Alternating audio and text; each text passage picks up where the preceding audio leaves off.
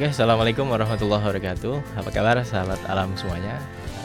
Uh, dengan saya Ahmad Sugi di sini. Saya ini akan ngobrol dengan Bang Lendo berkaitan dengan konsep sekolah alam. Di sini di antara kita sudah hadir Bang Lendo. Nanti insya Allah beliau akan memaparkan beberapa hal yang berkaitan dengan konsep uh, sekolah alam. Assalamualaikum warahmatullahi wabarakatuh. Bismillahirrahmanirrahim. Alhamdulillahirobbilalamin konsep sekolah alam ini dirancang pada saat abang berada di dalam penjara. Eh, jadi waktu itu pemikiran dasarnya bagaimana mengubah nasib bangsa Indonesia. Untuk mengubah nasib sebuah bangsa, satu-satunya cara yang terbaik adalah memperbaiki konsep pendidikannya. Karena hampir semua bangsa di negara-negara maju itu membangun peradabannya dengan cara membangun sistem pendidikan yang terbaik. Pertanyaannya adalah apakah kita meniru konsep-konsep pendidikan barat atau kita langsung belajar dari Allah Subhanahu wa taala. Abang memilih kita langsung belajar kepada Allah karena Abang meyakini bahwa konsep pendidikan yang terbaik itu pada saat Rasulullah mengajar para sahabat sehingga melahirkan sebuah generasi terbaik sepanjang masa. Nah, pertanyaannya seperti apa konsep Rasulullah mengajar para sahabat ini? Kita tidak pernah melihat langsung, tidak pernah menerima langsung, kita hanya bisa mengambil referensi dari Al-Quran dan hadis. Nah, di sinilah sebetulnya letak pokok masalahnya. Dari mana kita menyusun sebuah konsep pendidikan yang mengacu kepada Al-Quran dan hadis.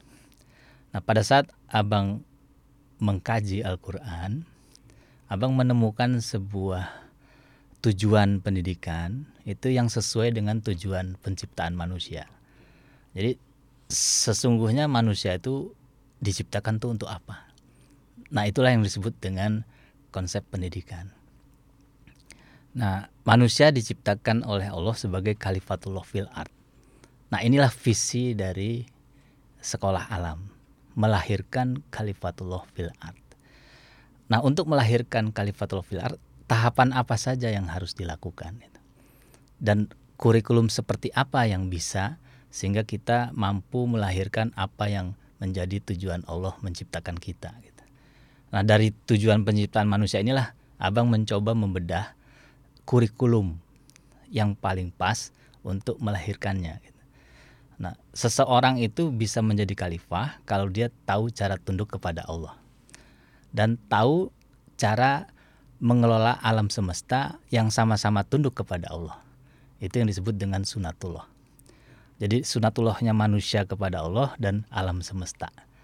Nah di sinilah kemudian eh, abang menyusun sebuah kurikulum eh, yang dirancang sedemikian rupa sehingga semua pilar-pilar yang dibutuhkan untuk melahirkan Khalifatul fil art itu bisa terwujud.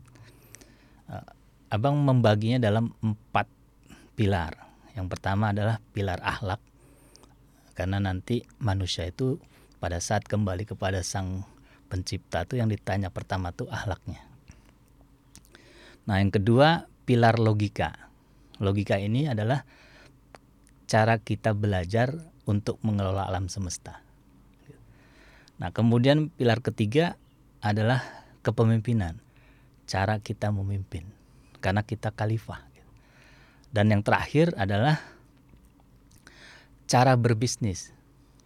Cara untuk memberi rahmat ke seluruh alam. Ya. Jadi kalau kita punya uang, kita bisa berbagi kepada seluruh alam. Nah, keempat pilar inilah yang sebetulnya menjadi dasar dari konsep sekolah alam.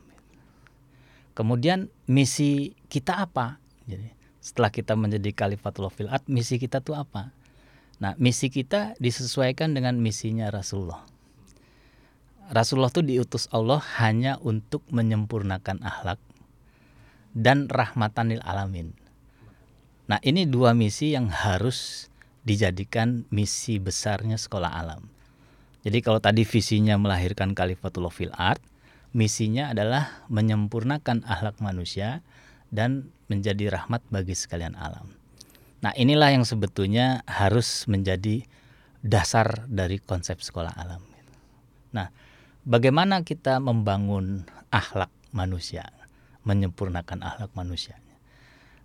Allah itu menyatakan di Al-Qur'an bahwa Rasulullah itu suri toladan buat kamu.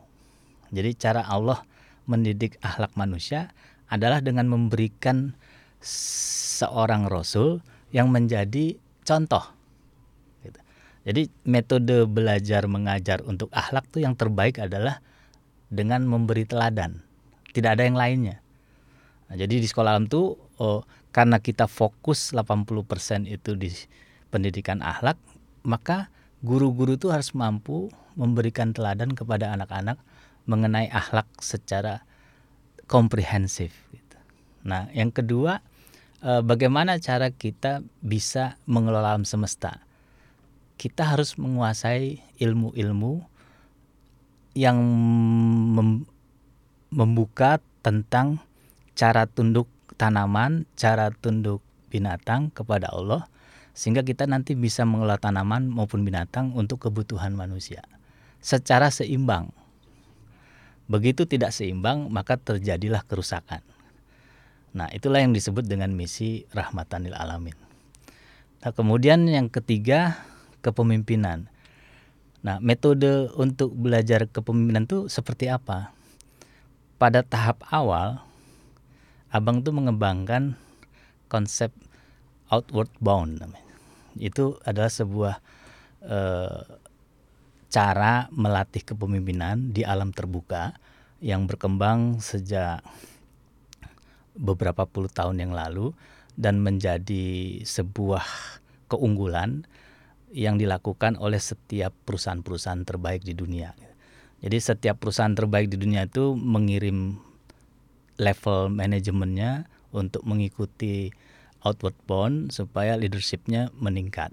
Nah, dalam perjalanannya eh, sekolah alam itu mengintegrasikan outward bound ini dengan pramuka sehingga disebut sebagai uh, sekolah alam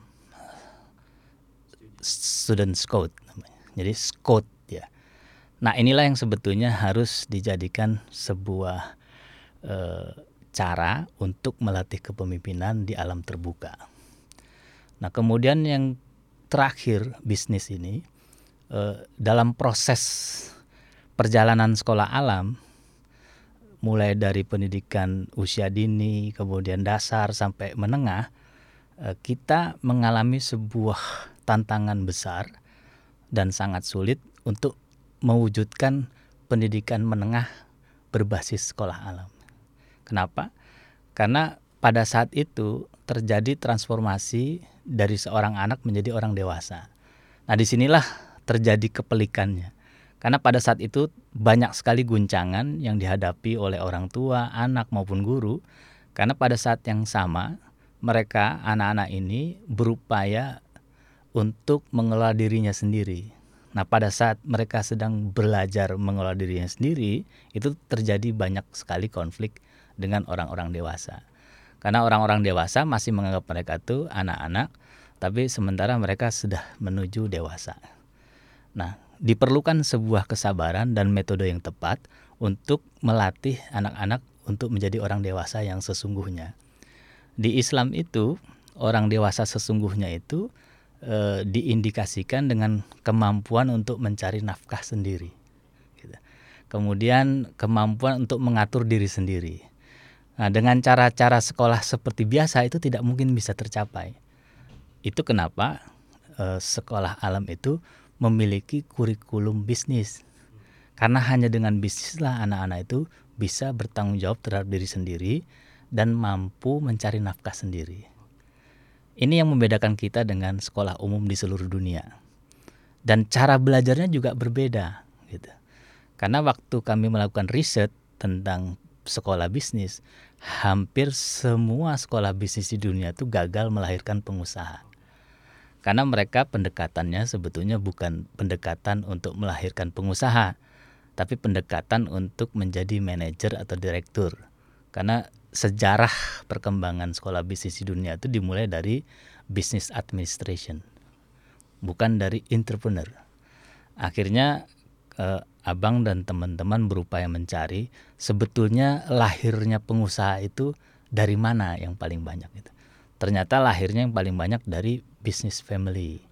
Nah dari situlah akhirnya kami mencari apa saja yang menjadi pokok dari bisnis family itu yang bisa kita terapkan di sekolah. Nah di bisnis family itu ada tiga hal yang paling penting. Yang pertama tuh ada business environmentnya. Ada lingkungan bisnisnya, ada tokonya, ada pabriknya, ada kebunnya dan sebagainya. Sementara kalau di kampus nggak ada. Yang ada lingkungan kelas. Yang kedua adalah ada yang bisa mengajarkan prinsip-prinsip bisnis secara praktis. Sementara kalau di kampus itu teori bisnis. Nah, di di bisnis family itu ada pengusaha sukses yang bisa mentransfer pengalamannya kepada siswanya gitu. Yang ketiga ada proses magang. Uh, magang ini adalah cara belajar terbaik sepanjang masa yang ternyata juga dilakukan oleh Rasulullah seumur hidupnya. Rasulullah tuh belajarnya magang sama ibu susuan, magang sama kakeknya, sama pamannya, sama Siti Khadijah sehingga menjadi orang terbaik di muka bumi. Jadi proses learning from maestro itu harus menjadi metodologi yang terbaik untuk melahirkan pengusaha. Nah, berbeda dengan sekolah-sekolah umumnya, di sekolah alam itu eh, kita harus memastikan anak-anak itu pada usia dewasa itu sudah lulus SMA. Di Islam itu yang namanya orang dewasa, indikatornya tuh sederhana, terjadi perubahan fisik. Kalau perempuan itu dia haid gitu ya, kalau laki-laki itu suaranya pecah gitu. Nah, rata-rata orang itu dewasa pada umur 15-16 tahun. Artinya apa? Sejatinya SMA itu selesai pada umur 15-16 tahun dan sekolah alam sudah melakukannya dan works bisa gitu. Jadi SMP cuma 2 tahun, SMA cuma 2 tahun. Nah, kemudian setelah itu barulah mereka bisa memberi rahmat kepada seluruh alam dan bisa menjadi toladan bagi seluruh masyarakat.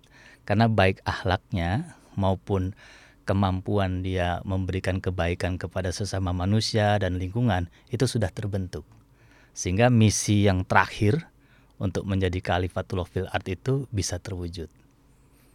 Oke Bang Lendo, terima kasih untuk pemaparan konsepnya yang sangat luar biasa. Ini uh, keren banget Bang buat teman-teman sekolah alam se-Indonesia. Mungkin bahkan selain sekolah alam juga bisa mendengarkan tentang ini ya Bang. Amin. Nah, kemudian ini Bang, ada beberapa pertanyaan yang sudah kita kelas keren berkaitan dengan konsep juga nih Bang. Ini pastinya dari teman-teman sekolah alam se-Indonesia nih ya. Ada 10 pertanyaan yang nanti akan kita tanyakan ke Bang Lendo. Nah, gimana Bang Lendo udah siap ya? Siap. untuk siap. menjawab pertanyaan-pertanyaan ini. Oke, pertanyaan yang pertama, konsep kurikulum sekolah alam itu seperti apa sih, Bang? Nah, Ya. silakan dijawab oleh Bang Lendo. Kalau kita kembali ke paparan Mm-mm. semula, Oke. eh, konsep sekolah alam itu dirancang untuk melahirkan Khalifatullah fil Oke, Khalifatullah fil sesuai dengan tujuan penciptaan manusia. Oke, berarti sesuai dengan tujuan penciptaan manusia, Bang. Iya. Nah, kemudian untuk melahirkan Khalifatullah fil art itu caranya seperti apa? Oke. Gitu. Nah, cara itulah yang kita sebut dengan kurikulum. Oh, oke. Sehingga kita bisa membekali anak-anak supaya pada saatnya nanti dia bisa menjadi Khalifatullah fil art. Oke. Nah, bekal apa saja yang bisa membuat orang menjadi seorang Khalifatullah fil art? Nah, itu kita bagi dalam empat pilar. Yang pilar pertama itu Pertama, akhlak, Akhlak. yang oke. kedua itu logika. Logika. Jadi cara mempelajari tunduknya makhluk seperti tanaman, binatang dan makhluk lainnya di dunia kepada Allah. Oke. Sehingga kalau kita tahu cara memahami cara tunduk mereka, kita bisa menjadi pemimpin mereka, Oke. mengelola mereka. Nah, yang ketiga itu tahu cara memimpin, Leadership ya, Bang. leadership. Oke. Dan yang terakhir itu yang harus dipastikan adalah mereka tahu memberi rahmat kepada alam semesta Oke. dengan cara berbisnis. Oke, bisnis. Berarti empat itu ya, Bang? Ya. Akhlak, logika, Logika, leadership, dan bisnis. Oke, seperti itu. Kemudian ada pertanyaan lagi nih, Bang nih. Ya. Eh, ini untuk guru-guru pertanyaannya, Bang. Bagaimana menginternalisasi konsep sekolah alam kepada seluruh guru? Kan mungkin guru-guru di sekolah alam ini kan banyak yang dari berbagai latar belakang. Mungkin Ya, Bang Lendo juga ya. tahu sendiri. Ya. Paling banyak juga dari pertanian, mungkin dari teknik juga bisa masuk ke Ya, sekolah alam ya, Bang. ya. Ini caranya untuk menginternalisasi konsep kepada guru-guru itu seperti apa, Bang? Yang pertama itu sederhana sebetulnya. Oke. Tentu kita harus menyeleksi guru-guru yang paling cocok dengan konsep sekolah alam. Oke, seleksi. Ya, itu yang paling prinsip. Paling prinsip. Nah, guru-guru seperti apa yang harus kita pilih? Oh, Itu guru yang sesuai dengan empat pilar tadi. oke. Apakah dia memiliki kemampuan memimpin? Oke. Apakah dia memiliki kemampuan bisnis? Oke. Apakah dia memiliki kemampuan pengetahuan yang tinggi? Mm-mm. Dan yang paling penting, akhlaknya itu mulia. Oke. Nah, pada saat kita mampu menyeleksi dengan baik, Mm-mm. tahapan selanjutnya adalah terus mengingatkan. Oke. Nah, jadi kalau kita ingin menginternalisasi konsep sekolah alam Mm-mm. kepada guru-guru kita, itu senantiasa apakah setiap minggu, setiap bulan itu dilakukan kembali apa yang kita lakukan sekarang yang disebut dengan icon, Oke. internalisasi konsep. Oh, Karena pada prinsipnya manusia itu harus selalu diingatkan. Oke. Nah, proses pembiasaan ini yang akan menjadi eh, outputnya tuh internalisasi Oke. ke dalam diri setiap guru. Hmm, Setelah pembiasaan dia akan menginternalize gitu Betul, Bang, ya? betul. Itu prinsip yang sesuai sunnah rasulnya. Oh, Berarti menginternalisasikan konsep sekolah alam itu sesuai dengan empat pilar tadi juga, Bang? Betul, Oke. betul. Selanjutnya nih, Bang. Ada pertanyaan yang mungkin sekolah alam sekolah alam se-Indonesia juga eh, pertanyaannya sama nih, Bang ya. Berkaitan dengan sekolah alam, kemudian berkaitan dengan keislaman geliatnya yang semakin tinggi berpengaruh pada pandangan masyarakat terutama di daerah Rokan Hulu. Wah, ini berarti di Riau nih, Bang ya. Nah, ya.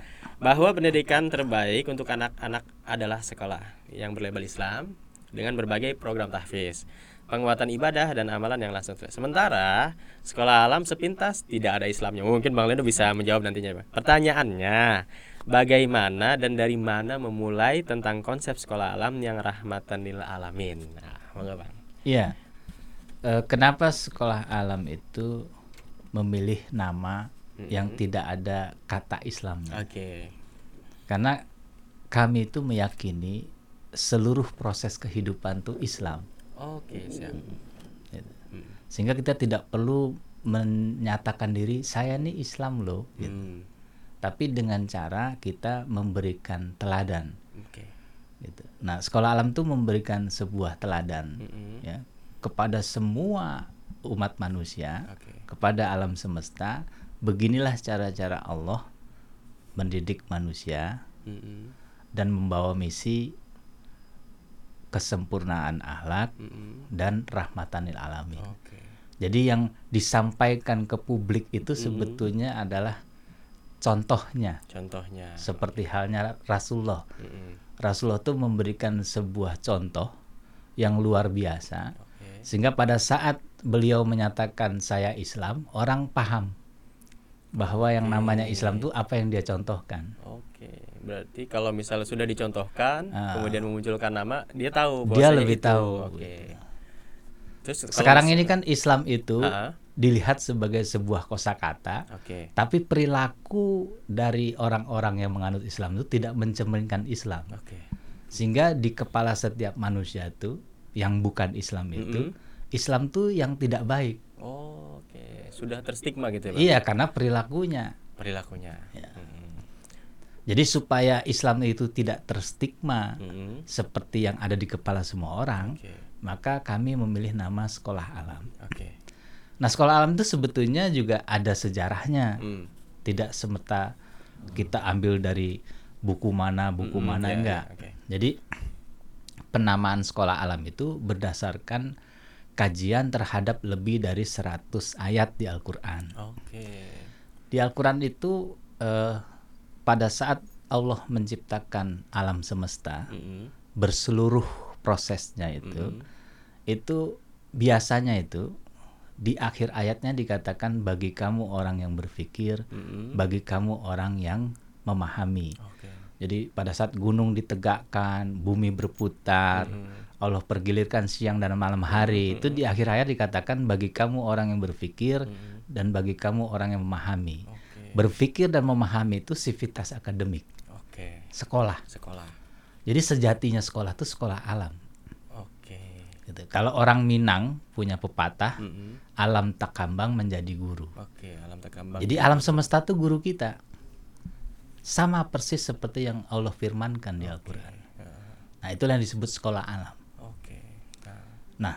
bagaimana kita bisa memberikan eh, manfaat bisa memberikan pencerah itu dengan cara kita memberi teladan Oke. Jadi kalau orang lihat datang ke sekolah alam, dia lihat rahmatan lil alamin karena ramah lingkungan, ramah terhadap manusia, gitu. akhlaknya baik, itulah Islam. Oh. Gitu. Jadi dia tersirat dari yang ada di sekolah alam gitu Betul. Bang, harusnya ya. Oke. Nah, kemudian ini berkaitan dengan pertanyaan tadi. Eh, ada berbagai banyak program tahfiz. Mungkin nggak sih, Bang, di sekolah alam itu banyak hafiz-hafiz yang akan muncul nantinya? Sangat mungkin, Sangat mungkin, tergantung dari bakat-bakat yang Oke. ada di sekolah alam. gitu. Oke. Di setiap sekolah alam pasti ada yang hafiz, Oh, oke. gitu. Heeh. karena itu merupakan sebuah anugerah Allah Mm-mm. yang dinamakan syakila. gitu. Oh, Oke. Jadi eh, di sekolah alam tidak hanya orang yang punya bakat hafiz, Oke. ada yang bakatnya seni, ada yang Hmm. bakatnya kuliner, ada yang bakatnya apa pun, Mm-mm. dan itu semuanya pemberian Allah yang harus kita rawat, Oke. harus kita maksimalkan. Mm-mm. Karena pada saat Allah memberi, kita harus bersyukur. Mm-mm. Jadi kalau kita punya anak itu tidak berbakat Iya. hafalan, Iya. terus kita marah sama dia, itu kita sama saja dengan marah sama Tuhan. Oke. Tapi kalau kita bersyukur karena anak kita berbakat kuliner dan kita mendampingi dia menjadi chef terbaik, Mm-mm. maka dia akan menjadi chef yang rahmatan lil alamin. Oke. Berarti setiap anak itu dengan segala potensinya yang ada harusnya disyukuri gitu ya, Bang? Betul, itu cara kita bersyukur kepada Allah. Mm. Tuh, berarti kan buat teman-teman sekolah Alam Indonesia jangan kecil hati kalau misalnya di sekolahnya tidak ada yang menjadi hafiz, Bang ya. Insya Allah nggak pernah ada ada gitu. Pasti ada satu, dua, Pasti tiga, ada satu, empat dua, dan gitu ya. sebagainya. Nah, seperti itu. Jadi memang semuanya adalah pembiayaan dari Allah yang memang harus dikembangkan dengan sebaik-baiknya. Oke, berarti ini sangat luar biasa nih diskusi dengan Bang Ledo. Pertanyaan-pertanyaan dari teman-teman sekolah alam mungkin terjawab sedikit-sedikit gitu ya, Bang ya. Ini nanti akan kita berikan ke teman-teman sekolah alam pastinya, Bang ya. Baik, selanjutnya ada pertanyaan lagi, Bang. Konsep dasar dan ide mengapa sekolah alam dibuat? Itu sebenarnya untuk apa sih, Bang? Iya, eh, konsep ini kan dirancang pada saat abang itu di dalam penjara. Oke. Nah, abang itu di penjara disebabkan oleh kezaliman penguasa. Oke. Di penguasa itu memenjarakan orang-orang yang menyatakan yang hak kepada mereka. Oke. Nah, eh, dalam proses penyelidikannya itu eh, si penyidik itu Mm-mm. eh, menyatakan kepada abang, kamu tuh baru S2, tapi berani melawan pemerintah. Oke, itu penyidiknya tuh, Bang. Ya, Oke. padahal pemerintah itu waktu itu dipimpin oleh banyak profesor. Oh. Jadi pemahaman dari si penyidik ini Hmm. adalah kebenaran itu hanya ada di level pendidikan tertinggi, Oke. profesor. Kalau belum profesor itu jangan ngomong lah. Oh gitu gitu. Nah, jadi nilai yang ada di kepala si penyidik ini adalah orang-orang yang terbaik Mm-mm. itu adalah orang-orang yang paling pintar, Oh. nah, kemudian orang-orang yang paling kaya, orang-orang yang paling terkenal Mm-mm. Seperti selebritis dan sebagainya. Ah, Nah, nilai-nilai ini ada di seluruh kepala orang di Indonesia. Oke. Padahal di Islam itu ya pada saat di penjara itu kan kita terus mengaji ya. Yang disebut orang-orang terbaik di mata Allah itu adalah orang-orang yang paling bertakwa, Oke. lagi berilmu pengetahuan. Artinya apa? Nilai-nilai yang ada di masyarakat dengan nilai-nilai yang ada di Al-Quran itu berbeda. Hmm, oke. Itulah yang menyebabkan Indonesia tidak pernah maju. Gitu. Sesederhana itu.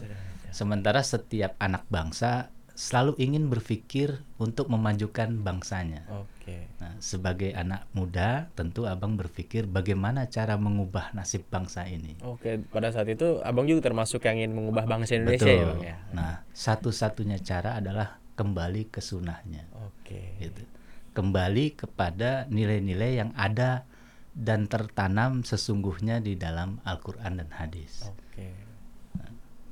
Itulah yang menyebabkan abang melakukan proses kontemplasi, Mm-mm. perenungan gitu ya, dan kembali bertanya kepada Allah. Gitu. Sesungguhnya manusia itu diciptakan untuk apa? Mm-mm. Itulah kenapa lahir konsep sekolah alam. Oke, itu berarti di medio tahun berapa itu, Bang?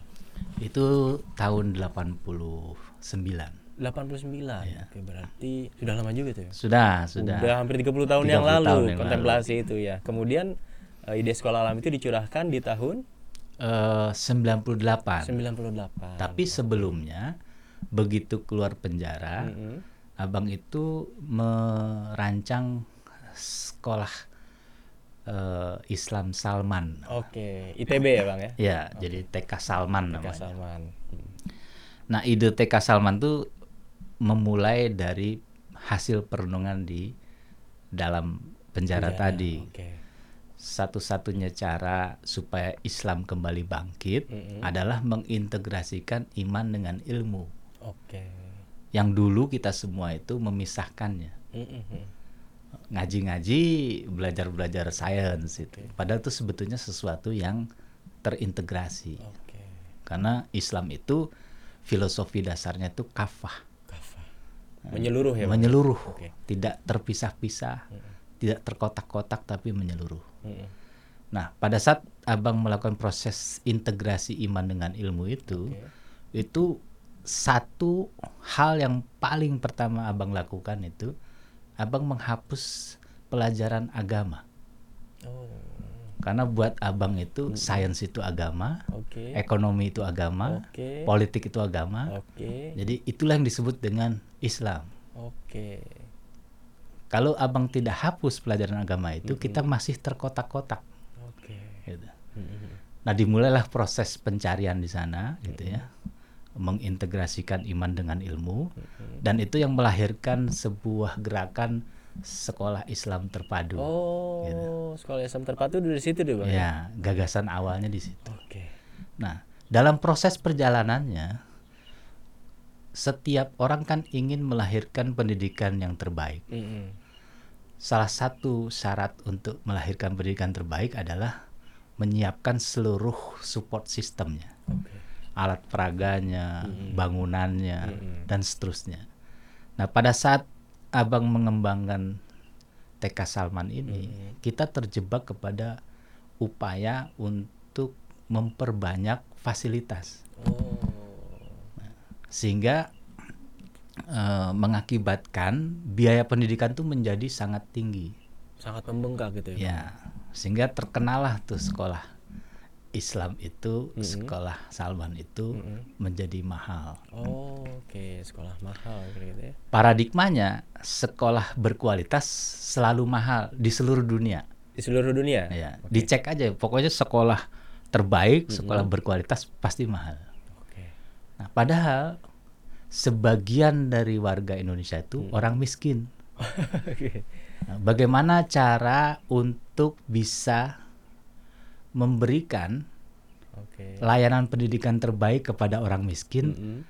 dengan kemampuan mereka yang seadanya. Oke. Gitu. Mm-mm. Inilah pertarungan pemikiran yang akhirnya abang temukan Mm-mm. sebuah episode yang kita sering lupakan bahwa pendidikan terbaik di muka bumi itu sampai hari ini Mm-mm. Pada saat Rasulullah itu mendidik para sahabat Oke. sehingga melahirkan sebuah generasi terbaik sepanjang zaman. Mm-mm. Nah, pada saat proses Rasulullah itu mendidik para sahabat itu di bawah pohon kurma. Oke. Nah, di situlah Allah membuka pemikiran abang Mm-mm. bahwa kualitas pendidikan itu bukan ditentukan oleh fasilitas, Oke. tapi oleh Rasulullah Mm-mm. sebagai guru Oke. Cara Rasulullah mengajar yang Metode disebut gitu ya. metode gitu dan bekal yang diberikan kepada Rasulullah oleh Allah itu dalam bentuk Al-Qur'an dan hadis. Oke. Nah, riset Abang itu setelah dikonfirmasi dengan berbagai peradaban sampai hari ini Mm-mm. itu ternyata match. Oke. Kualitas pendidikan sangat ditentukan oleh kualitas Guru, guru, metodologi belajar, metode, dan buku. buku. Itulah yang menjadi filosofi dasar Mm-mm. bagaimana cara mengembangkan sekolah alam Oke. untuk menjadi sekolah terbaik. Oke. Wah, ternyata semakin menarik ini ya Ya. pertanyaan-pertanyaan yang Ya. dilontarkan. Jawabnya langsung oleh Bang Lendo ini semakin menarik ternyata. Bang, ada pertanyaan selanjutnya nih Bang ya. Pertanyaan adalah, apakah konsep merdeka belajar ini kayaknya langsung ke Mas Menteri nih Bang. Apakah konsep merdeka belajar yang diusung oleh Sekolah Alam sama dengan yang diusung oleh Mas Menteri atau Pak Nadiem Makarim? Nih, monggo Bang dijawab Bang. Kalau sama pasti tidak sama. Pasti tidak sama. Tapi bisa jadi serupa. Oke. Karena apa? Karena filosofi yang mendasarinya berbeda. Oke, filosofi. Kalau berbeda. sekolah alam itu Oke. konsep merdeka belajarnya Mhm. itu mengacu kepada Al-Qur'an. Oke. Dalam Al-Qur'an itu filosofi merdeka itu tercantum dalam ayat la ikroha din. Oke. Tidak ada paksaan Mm-mm. dalam beragama. Oke. Jadi prinsip dasar merdeka itu tidak ada paksaan. Mm-mm. gitu. Nah, berbeda dengan merdeka belajar yang dikembangkan oleh pemerintah. Oke. Merdeka belajar yang dikembangkan oleh pemerintah kan bermula dari proses pendidikan yang rigid, Oke. yang kaku Mm-mm. dan sangat penuh dengan konten. Heeh. Itu dia berupaya untuk membuat itu menjadi lebih fleksibel. Oke. Lebih fleksibel, lebih lentur ya. Uh, orang boleh memilih. Mm-mm. Nah, pada saat orang boleh memilih ini yang agak serupa dengan la ikroha fiddin. Hmm, Oke. Karena kalau kita tidak ada paksaan kan kita memilih. Iya. Ya. betul, betul. Nah, pada saat memilih inilah sebetulnya uh, kita berbeda dengan pemerintah. Hmm. Nah, kita tuh memilih tentu disesuaikan dengan sunnahnya juga. Oke. Memilihnya berdasarkan syakila bakat. Bakat. Pemerintah belum. Oh, oke. Pemerintah tuh memilih itu untuk memperkaya. Oh. Misalnya saya majornya itu perminyakan, Mm-mm. tapi saya juga boleh belajar seni, saya juga boleh belajar politik. Oke. Itu yang dilakukan pemerintah. Oh, Oke. Kalau yang dilakukan oleh sekolah alam tuh berbasis syakila. Oke. Berbasis bakatnya Bang. ya? Betul. Karena semua udah Allah desain. Oke, oke. Berarti konsep merdeka yang diusung oleh sekolah dan pemerintah serupa tapi tidak sama. Ya. Oh. Tapi untuk pemerintah sendiri sudah lumayan bagus kan Bang untuk mengarah ke arah situ ya? Kalau kata orang Jawa itu Heeh. udah untung. Udah untung. Oke, udah untung nih. Pertanyaan yang sangat bagus nih. Nanti Bang Lendo bisa diundang ke istana juga kali ya. Amin. Itu tadi berkaitan dengan Mas Menteri ya. Nah, sekarang ada pertanyaan lagi nih Bang berkaitan dengan teman-teman sekolah alam juga. Kan sekolah alam itu rata-rata empat pilar ya Bang, sama semuanya empat pilar. Tapi ada perbedaan di institute development atau kearifan lokalnya. Nah, bagaimana nih Bang? Eh, ini pertanyaan teman-teman, bagaimana memunculkan kearifan lokal yang ada di lokasi masing-masing? Nah, itu. Monggo Bang dijawab. Sebetulnya bukan berbeda, Bukan berbeda. Tapi setiap sekolah alam harus mempunyai misi. Oke. Konsep sekolah alam itu kan visinya melahirkan kalifatullah fil. Misinya menyempurnakan akhlak Mm-mm. dan rahmatan lil alamin. Oke. Nah, Pada saat kita bicara rahmatan lil alamin, dia harus sesuai dengan lingkungannya. Oke, harus sesuai dengan lingkungan. Jadi sekolah alam itu harus memberi rahmat kepada lingkungan sekitarnya. oke. Nah di situlah konsep institute development itu menjadi penting. Hmm, Sekolah alam di pesisir pantai, Oke. sekolah alam di puncak gunung, sekolah alam di pinggir sawah, Mm-mm. sekolah alam di tengah-tengah apa masyarakat perkotaan, Oke. itu sangat berbeda. Oh. gitu. Mhm. Dan memang harus berbeda. Dan memang harus berbeda. Oke. Jangan sampai kita seperti zaman dulu gitu ya. Anak dari Aceh sampai Merauke, Oke. pelajaran menggambar itu sama. Bikin dua gunung, ada matahari dan sawah. Iya. Padahal semua desa-desa mereka tuh berbeda. Oke. gitu. Nah, di situlah letak kejeniusan dari sekolah alam. Oke. Dia harus in situ development. Setiap sekolah itu harus memberi rahmat kepada lingkungannya. Oke. Bukan menjadi menara gading. Oke, berarti dia harus memberikan rahmat bagi sekitar yang ada di Iya. situ ya, Bang. ya? Nah, cara dia memberi rahmat itu adalah dengan in situ development. Oke. Dia mengembangkan potensi di lingkungannya. Mm-mm. Kalau yang di pesisir, Sama, dia harus bisa mengembangkan potensi pesisir Oke. untuk memberi rahmat kepada lingkungan dan semesta. oke. Bayangkan kalau semua orang pesisir itu budidaya ikan, Oke. aquaculture. Heeh. Eh, yang kalau dia nangkap ikan cuma dapat 100, kalau dia budidaya dapat 1000. Sisanya 900 dia bisa berikan kepada orang lain. Oke. Itulah yang disebut dengan rahmatan lil alamin. Oke. Sesimpel itu sebetulnya, Bang Iya. ya. Tapi kalau untuk aplikasinya kadang-kadang kan banyak sekali halang dan rintangan itu, Bang. Karena ketidakpahaman. Oke. Gitu. Karena ketidakpahaman. Kenapa orang Papua itu miskin misalnya? Heeh. Kebanyakan mereka tinggal di lembah-lembah Oke. sehingga sulit untuk mendistribusikan hasil dari budidaya mereka. Oke. Kalau saya jadi pemerintah misalnya, yang saya lakukan adalah membuat cable car Oke. dari lembah ke daratan. Oke. Jadi semua yang ditanam oleh orang Papua di lembah itu bisa dinikmati oleh orang-orang di daratan. Oke. Itu konsep in situ development. Developmentnya seperti Jadi itu. bagaimana sebuah masyarakat di lembah Mm-mm. bisa memberi rahmat kepada yang lainnya. Oke. Yang terjadi kan sekarang tidak. Mm-mm. Orang di lembah itu menjadi sengsara Heeh. karena tidak bisa mendistribusikan barangnya ke orang lain gitu ya, menjadi miskin, Mm-mm. menjadi terisolir Oke. ya. Itu hal yang tidak boleh terjadi Oke. kalau kita menjalankan konsep sekolah alam. Oke. Karena di situ ada rahmatan lil alamin ya, Bang. Betul. ya? Karena setiap manusia memiliki misi rahmatan lil alamin. Oke. Mau dia di tengah pulau, mau dia di puncak gunung, dia harus menjadi rahmat bagi semesta alam. Oke, ini luar biasa sekali nih, Bang. Ini. Baik, Bang, ini ada pertanyaan selanjutnya ya. Jika sekolah alam rahmatanil alamin, apakah sekolah alam ini terbuka untuk siapa pun, termasuk orang-orang yang non-muslim, dalam mengambil metode atau konsep pendidikan sekolah alam? Ini pertanyaan luar biasa juga nih, Bang. Mau dijawab, Bang? Iya, pada saat kita memiliki misi rahmatan lil alamin, Mm-mm. semua makhluk Semua makhluk. harus mendapatkan rahmat Oke. dari kita sebagai orang Islam. Berarti no border deh, Bang. Gak ada. Oke. Rasulullah itu kan tidak hanya berdakwah kepada orang mukmin, Iya, oke. kepada seluruh alam semesta. Oke. Berarti harus menyeluruh. Harus menyeluruh. Oke. Termasuk Nah, pada saat kita memberi rahmat kepada orang-orang yang bukan seagama dengan kita dan dia menikmati rahmat Oke. itu, insya Allah dia akan masuk ke dalam Islam. Oke. Jadi memang menyebarkan rahmatanil alamin itu tanpa paksaan, Ya, kemudian kita memberikan teladan Ya. sampai mereka itu paham bahwasanya wah ternyata seperti ini gitu. ya. betul. Oke, oke, oke. Ini ada dua pertanyaan terakhir, Bang. Ya. Nah, seru juga kayaknya nih. Mungkinkah konsep sekolah alam dinikmati juga oleh kaum marginal? Kembali kepada misi rahmatan alamin. Oke. Pendidikan untuk semua, Mm-mm. education for all yang dicanangkan oleh PBB Oke. itu menganut prinsip rahmatan lil alamin. Oke. Artinya apa? Pendidikan harus dinikmati oleh semua orang. Mm-mm.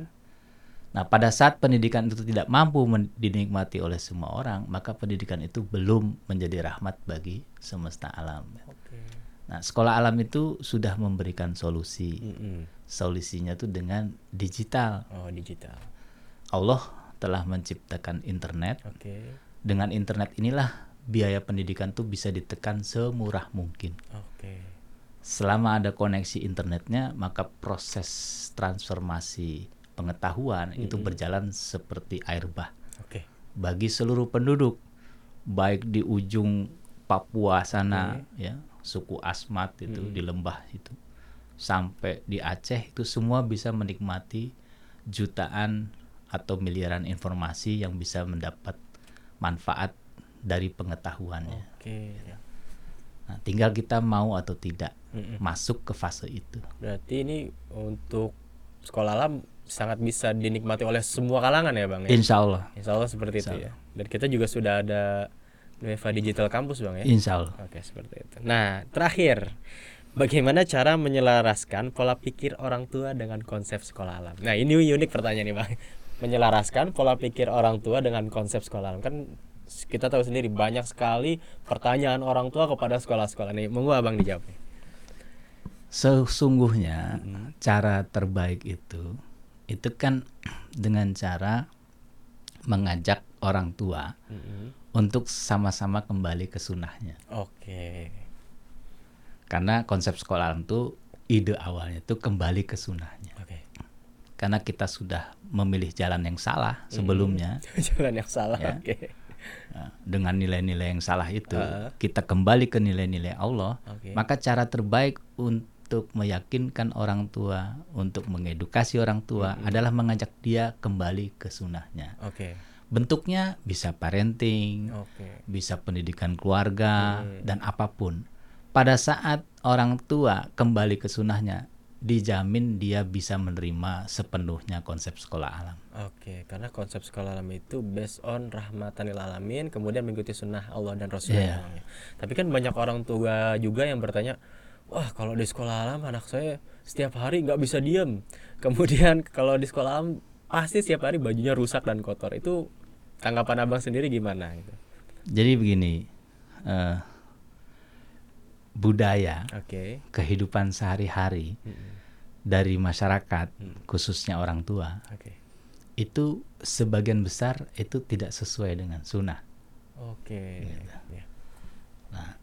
untuk mengembalikan mereka kembali ke sunnahnya itu butuh eh, upaya yang luar biasa Effort yang tinggi. ya sama saja kita dengan mengubah peradaban Oke. seperti yang sedang dilakukan oleh sekolah alam Ah, ya.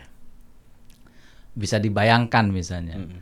kalau kita benar-benar mengikuti sunnahnya Mm-mm. kita harus bangun malam hari Hmm. sholat tahajud Ya. berdoa meneruskan di sholat subuh Mm-mm. sholat duha berzikir kemudian kalau mau makan harus berdoa dulu Mm-mm. kalau mau makan harus cuci tangan dulu Mm-mm. Kalau sudah makan cuci tangan lagi iya. sebelum tidur cuci tangan Se- setelah bangun tidur cuci tangan Hmm. seperti yang diperintahkan pemerintah saat ini Oke. untuk selalu mencuci tangan Mm-mm. padahal itu sunnahnya Oke. dan itu berat sekali dilakukan oleh orang-orang yang sudah terbiasa dengan yang bukan sunnahnya Oke. jadi tentu kita harus berupaya terus menerus Mm-mm. sungguh-sungguh Oke. berjihad gitu ya, dan bersabar Oke. sampai Allah memberikan hidayah kepada semua orang tua Oke. untuk meyakini bahwa sekolah alam itu adalah sekolah yang sesuai dengan sunnahnya. Oke. Hmm. Kuncinya itu sholat dan sabar. Kuncinya sholat dan sabar ini sangat luar biasa ini. 10 pertanyaan oh, sudah dijawab oleh Bang Lendo. Ada satu lagi nih Bang, mungkin eh, teman-teman juga menunggu. Setelah 20 tahun lebih sekolah alam itu, masukan untuk Bang Lendo untuk sekolah alam itu apa sih Bang? Kita Mm-mm. harus senantiasa Oke. menghidupkan kembali sunnah-sunnah yang ditinggalkan. Oke. Semakin banyak sunnah-sunnah itu kita hidupkan, Oke. semakin sempurna, Mm-mm. maka semakin sempurna sekolah alam. Oke, menghidupkan sunnah-sunnah yang sudah lama ditinggalkan. Ini Ya. sangat luar biasa. Teman-teman Sekolah Alam se-Indonesia ini pertanyaan-pertanyaan sudah dijawab oleh Bang Lendo. Bang Lendo terima kasih banyak untuk waktunya, eh, untuk advice-nya, kemudian pertanyaan-pertanyaan dari teman-teman sudah dijawab juga. Nanti juga akan ada pertanyaan-pertanyaan lagi yang akan dijawab oleh Bang Lendo tapi tidak di sini gitu ya, Bang ya. Ya. Baik, eh, terima kasih banyak untuk waktunya Bang Lendo dari Sama-sama. saya ini sangat luar biasa eh, untuk menginspirasi teman-teman di sekolah bahkan untuk pendidikan yang ada di Indonesia. Amin. Baik, terima kasih banyak untuk kesempatannya kali ini. Saya Ahmad Suki, mohon pamit dan undur diri. Assalamualaikum warahmatullahi wabarakatuh. Waalaikumsalam warahmatullahi Oke, baik. eh, ini sangat luar biasa diskusi kita dengan Bang Lendo. Ada pertanyaan-pertanyaan sangat luar biasa.